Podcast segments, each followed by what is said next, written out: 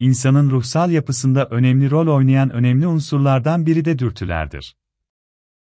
Dürtüler insanı has peşinde koşmaya sevk eden, hemen ve şimdi olsun noktasında tutan etkilerdir. Dürtüleri kontrol edebilmeye irade, edememeye ise dürtüsellik ya da iradesizlik adını veriyoruz.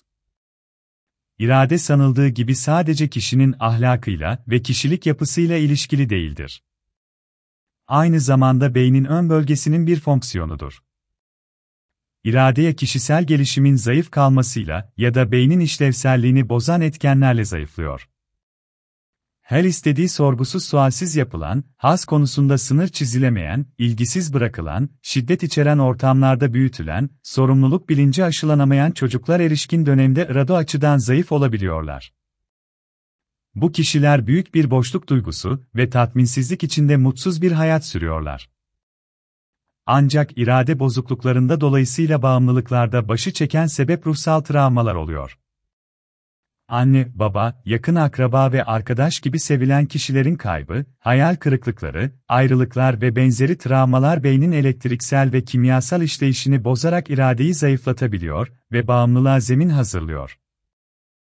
Bir bonsai savaşçısı Son yıllarda yaygınlaşan ve uzun süre içildiğinde kesin olarak öldüren bonsai bağımlılarının genellikle bir ruhsal travma sonrasında bu maddeyi kullanmaya başladıklarını görüyoruz.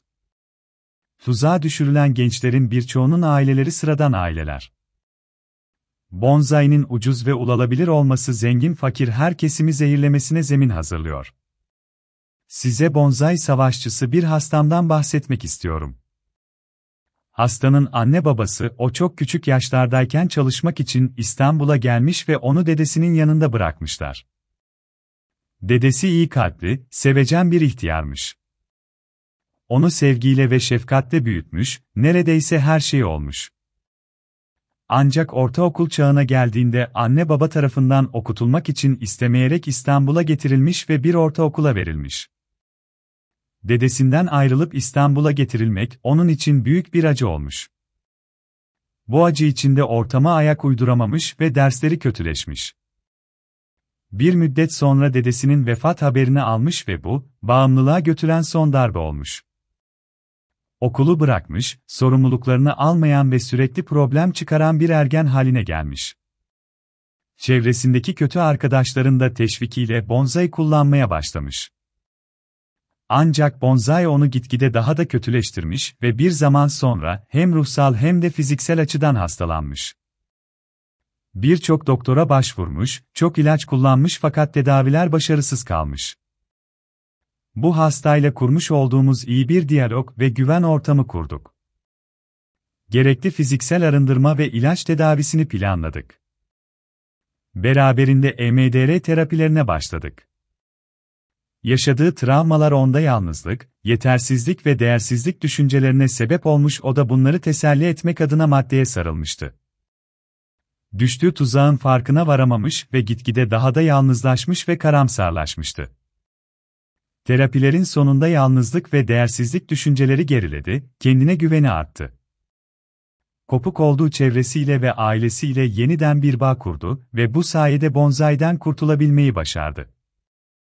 Bağımlılıkta EMDR ve travma terapisi çok önemli. Günümüz bağımlılık tedavilerinde genellikle sebebe değil sonuca yönelik protokoller yer alıyor. Mesela madde bir depresyona sebep oldu ise, o tedavi ediliyor veya uykusuzluk, kaygı ve dürtüsel davranış varsa onlara yönelik ilaç veriliyor. Bu uygulama maddenin yarattığı sıkıntıları giderebiliyor ama maalesef bağımlılığı ortadan kaldıramıyor. Bağımlılık tedavilerinin başarısızlıkla sonuçlanmasının temel nedeni budur.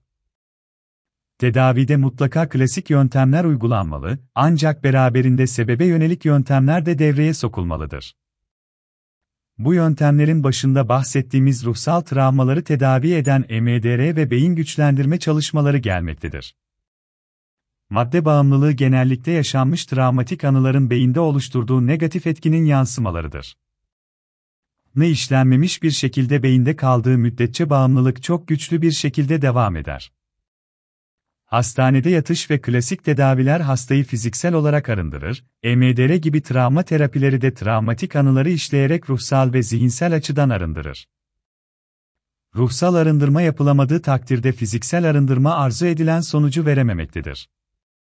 Sonuç olarak madde bağımlılığıyla ruhsal travmalar arasında büyük bir ilişki olduğunu ve bu travmaları temizlemedikçe kişinin bağımlılıktan kurtulma noktasında zorlanacağını bilmek çok önemlidir.